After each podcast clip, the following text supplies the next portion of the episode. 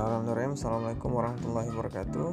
Selamat siang mahasiswa sekalian. Semoga senantiasa dalam keadaan sehat Dan senantiasa produktif dalam menjalankan aktivitas Selama proses kuliah di rumah. Nah pada kesempatan hari ini Saya ingin menjelaskan ulang sesungguhnya apa yang sudah disampaikan di kelas tentang praktikum yang kedua yang pernah kita bahas di dalam kelas. Yang sebelumnya saya sudah memberikan lembaran kertas tugas. Tetapi saya melihat masih banyak yang belum memahami secara baik tentang tugas yang telah diberikan. Maka Melalui podcast ini saya ingin menjelaskan ulang apa yang kemudian menjadi penting untuk eh, kalian kerjakan sebagai sebuah bagian dari peningkatan pengetahuan. Nah, di dalam praktikum kedua ini sesungguhnya kita ingin melihat bagaimana konsistensi penulisan dan penyusunan perumusan masalah penelitian. Nah, ini sebenarnya sudah sering kita dengar tentang bagaimana perumusan masalah penelitian. Mungkin di mata kuliah metode penelitian di praktikum sudah kita banyak bahas sekali dan MPS ini sesungguhnya ingin memperpanjang proses peningkatan pengetahuan kemudian hanya spesifik ke arah sosial maka penting melihat masalah penelitian sebagai sebuah bagian yang um, mampu harus dipahami oleh peneliti-peneliti sosial. Nah, bagi kalian mungkin yang ingin melakukan penelitian sosial, nah perumusan masalah ini sebenarnya diawali dengan mengidentifikasi masalah yang di, dapat diperoleh dengan membandingkan antara fakta dan teori atau harapan-harapan yang akan datang maupun antara fakta dengan kondisi yang seharusnya. Nah, maka dalam masalah penelitian apa yang dilihat berarti ada gap. Yang dilihat adalah gap disparitas atau kesenjangan. Sehingga kesenjangan-kesenjangan ini menimbulkan pertanyaan-pertanyaan yang harus dijawab. Nah, maka mengidentifikasinya bisa melalui banyak hal dengan pendekatan literatur, kemudian dengan expert, dengan professional conference, dengan eh, bacaan-bacaan buku dan lain-lain. Nah, maka uh, tugas yang diberikan ini itu merupakan langkah awal kalian untuk um, membuat misalnya latar belakang, kemudian rumusan masalah. Kalau dari beberapa dosen yang saya tanyakan rumusan masalah sesungguhnya tidak ada masalah, tidak ada masalah untuk dibuat. Gitu. Walaupun di dalam buku uh, panduan tidak ada. Nah, apakah boleh membuat pertanyaan penelitian atas rumusan masalah yang ada? Boleh. Kalian bisa lihat penelitian saya, penelitian-penelitian sosial yang lainnya. Itu ada pertanyaan-pertanyaan penelitian. Nah, itu didasari atas atas rumusan masalah yang ada. Nah, bagaimana melihat itu? Karakteristiknya seperti apa? Tentu kalian harus melihat uh, bahwa di dalam rumusan masalah kemudian ada tujuan penelitian maka uh, sangat penting melihatnya secara spesifik. Kemudian memastikan bahwa judul dengan rumus masalahnya benar. Kemudian rumusan masalah tidak tidak mengambang ke mana-mana atau menimbulkan interpretasi yang lain. Jadi jadi memang harus uh, harus banyak bacaan sebelum membuat rumusan masalah Nah, di dalam tujuan praktikum ini, kalian diharapkan untuk mampu memahami dan mengidentifikasi permasalahan teori dan real dari perumusan masalah suatu topik karya ilmiah. Nanti ini bisa skripsi, bisa tesis, bisa disertasi. Kemudian terampil mengidentifikasi permasalahan real yang sedang berkembang. Tiga, terampil menyusun perumusan masalah penelitian yang keempat adalah terampil mengidentifikasi permasalahan teori yang relevan. Jadi buatlah penelitian-penelitian yang nilai kebaruannya tinggi atau yang masih sedikit diteliti oleh orang atau misalnya memiliki uh, keberlanjutan dari skripsi yang ada artinya skripsi ini punya nilai yang baik untuk diaplikasikan nah pelaksanaan praktikum pertama bahwa kalian diminta untuk membuat atau mencari bukan membuat ya, mencari skripsi yang akan kalian evaluasi. Kemudian kalian diminta untuk melaksanakan evaluasi tentang uh, permasalahannya dan kemudian mampu untuk meng mengevaluasi atas masalah tersebut. Bisa ya, bisa Ya artinya kalian melihat bahwa masalah yang ada di dalam skripsi tersebut ternyata perlu dievaluasi. Artinya ada beberapa hal yang mungkin menjadi catatan kalian. Nah, nanti kemudian yang ketiga, kalian diminta untuk membuat kesimpulan. Yang keempat, kalian diminta untuk membuat saran perbaikan rumusan masalahnya. Yang kelima, kalian diminta untuk menyusun rumusan masalah penelitian kemudian yang selanjutnya tentu kalau sudah dibuatkan sudah mengevaluasi maka kalian diminta untuk membuat rencana skripsi kalian buat dari membuatnya dari topik kemudian pertanyaan penelitian rumusan masalah latar belakang dan lain-lain. Nah, nanti ini secara spesifik ada di tabel itu.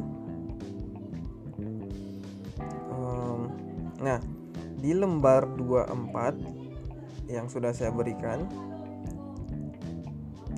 kalian silakan pertama itu membuat judul skripsi yang akan dievaluasi. Boleh skripsi boleh tesis boleh disertasi. Kalian nanti uh, bisa melihat itu judulnya apa kemudian analisis nah untuk perumusan masalah penelitian ada beberapa hal yang perlu dianalisis nomor satu identifikasi permasalahan teori karakteristik latar belakang. Nah, di dalam uh, latar belakang biasanya muncul juga teori-teori yang berkaitan dengan uh, penelitian yang akan dilaksanakan. Nah, maka dilihat uh, karakteristik latar belakangnya seperti apa. Nah, misalnya contoh uh, di dalam mengidentifikasi permasalahan teori tersebut apa saja bagian dari latar belakang tersebut yang kira-kira perlu menjadi catatan kalian misalnya apa apa garis besarnya apa teori yang muncul di sana nah kemudian tertuang pada tertuang pada kalimat berapa paragraf berapa Kemudian kata kuncinya apa? Berdasarkan teori tersebut, kata kuncinya apa? Jadi kalian melihat karakteristik latar belakang itu, dilihat apa apa sih teori yang muncul di sana yang e, mampu melihat permasalahan yang ingin kalian e, yang ada di dalam skripsi tersebut yang ingin digali oleh si peneliti. Kata kuncinya apa? Kata kunci ini bisa satu dua atau tiga paling banyak lima salah kata kuncinya adalah uh, kelembagaan misalnya atau konflik atau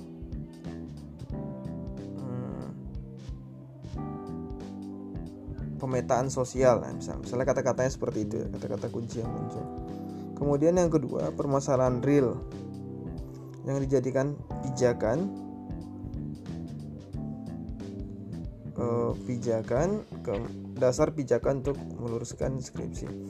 Nah, di dalam latar belakang kalau tadi teorinya yang kalian lihat, kalau sekarang ini kalian lihat permasalahannya apa? Nah, kan begini, kalau misalnya di dalam teori-teori tersebut uh, kalian melihat bahwa uh, pendekatan teori yang digunakan itu dengan masalah yang sekian. Nah, kalau yang kedua ini permasalahan real yang memang ingin diteliti oleh si peneliti. Misalnya permasalahan realnya yang berdasarkan informasi dari data-data yang ada, misalnya tentang deforestasi dan degradasi hutan di Provinsi Riau sekian hektar. Itu salah satunya misalnya, atau rusaknya eh, atau tidak efektifnya kelembagaan. Itu itu bisa di di nomor dua di karakteristik latar belakang. Jadi uh, permasalahan real ini lebih cenderung ke data-data yang mendukung bahwa permasalahan itu kemudian muncul gitu. Jadi ada ada seperti dasar pijakan. Tertuang pada paragraf berapa, eh, kalimat berapa. Kata kuncinya apa di situ. Kemudian yang ketiga,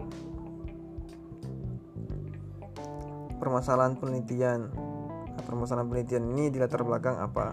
Nah, kalau nanti kalian tidak menemukan uh, di dalam latar belakang kalian bisa ke bawah ke melihat ke rumusan rumusan masalahnya jadi di rumusan masalah yang dilihat kan ada beberapa skripsi yang dia tidak punya rumusan masalah tetapi yang kalian lihat maka carilah penelitian yang punya rumusan masalah. Agar kalian bisa melihat bahwa uh, permasalahan penelitiannya seperti apa. Dan evaluasinya seperti apa. Kemudian pertanyaan penelitiannya apa? Sama seperti tadi ya karakteristiknya apa kemudian para tertuang di mana dan kata kuncinya apa. Sama. Kemudian setelah itu tujuan penelitiannya apa kemudian kesimpulan. Setelah itu kalian bisa melihat bahwa tentunya di dalam masalah penelitian ini kalian juga diminta untuk uh, membuat uh, tadi kan sebelumnya ada saran perbaikan itu perlu kalian buat atas skripsi yang ada kemudian draft rumusan masalah penelitian dan rencana penelitian skripsi. Bila halaman kerja ini tidak cukup, kalian dapat menggunakan tambahan kertas lain. Itu untuk yang uh, apa namanya yang tadi kalian uh, cari tugas tersebut. Nah kemudian yang nomor 6 yang nomor 6 itu kalian membuat topik atau judul rencana penelitian skripsi kalian. Buat yang nomor 7 rumusan pertanyaan dan tujuan penelitian yang yang selaras dengan perumusan masalah penelitian. Artinya uh, kalian buat rumusan masalah kalian buat pertanyaan penelitian. Kemudian yang kedelapan draft latar belakang yang selaras dengan topik dan perumusan masalah penelitian rencana skripsi. Berarti kalian diminta untuk membuat uh, pertanyaan penelitian Jadi sebenarnya hampir sama dengan yang tadi, hanya kalian diminta untuk membuat sendiri rencana penelitian yang kalian uh, kerjakan. Nah, ini sekira tidak terlalu sulit. Hanya sebenarnya eh, pertama yang paling penting adalah kalian memahami skripsi orang lain tersebut. Kemudian kalian evaluasi melalui Eh, tabel-tabel uh, yang sudah ada tadi berdasarkan uh, apa uh, analisisnya. Yang dianalisisnya apa saja. Kemudian kalian diminta untuk membuat rencana skripsi kalian berdasarkan petunjuk di dalam lembaran praktikum tersebut. Jadi kalian harus uh, memahami masalah penelitian yang kalian punya. Uh, mungkin saya kira itu yang penting untuk dijelaskan, karena mungkin pada saat saya menjelaskan kalian masih bingung. Nah, sekiranya nanti pada saat kalian mengerjakan masih kebingungan juga, ya saya kalian boleh hubungi saya. Kalian boleh hubungi saya dan boleh bertanya secara langsung. Nah seperti biasa bahwa berarti ada ada ada beberapa tugas yang harus di, dikerjakan dan dikumpulkan ke saya secara bersamaan. Jadi tugas yang ini, yang kedua ini tentang uh, masalah penelitian, dan ada tiga. peserta penelitian, kuesioner, dan SWOT. Jadi ada tiga yang kalian kumpulkan secara ke saya secara bersamaan. Mungkin itu yang penting saya sampaikan. Uh, kalian tetap semangat, tetap bekerja di rumah, tetap beraktivitas di rumah, tetap produktif. Semoga wabah COVID-19 ini bisa segera terselesaikan dan semoga apa yang kemudian eh, saya terangkan selama proses eh, belajar mengajar di rumah ini semoga bisa juga dapat kalian pahami dan bisa juga kalian eh, melihat bahwa ini adalah sebuah persoalan yang eh, mampu meningkatkan produktivitas diri saya kalian jadi jadi jangan menjadikan ini sebuah hal yang surut tapi harus tetap uh, uh, produktif. Mungkin demikian yang bisa saya sampaikan. Terima kasih banyak atas perhatiannya. Stay at home Bila Taufik Assalamualaikum warahmatullahi wabarakatuh. Selamat siang mahasiswa sekalian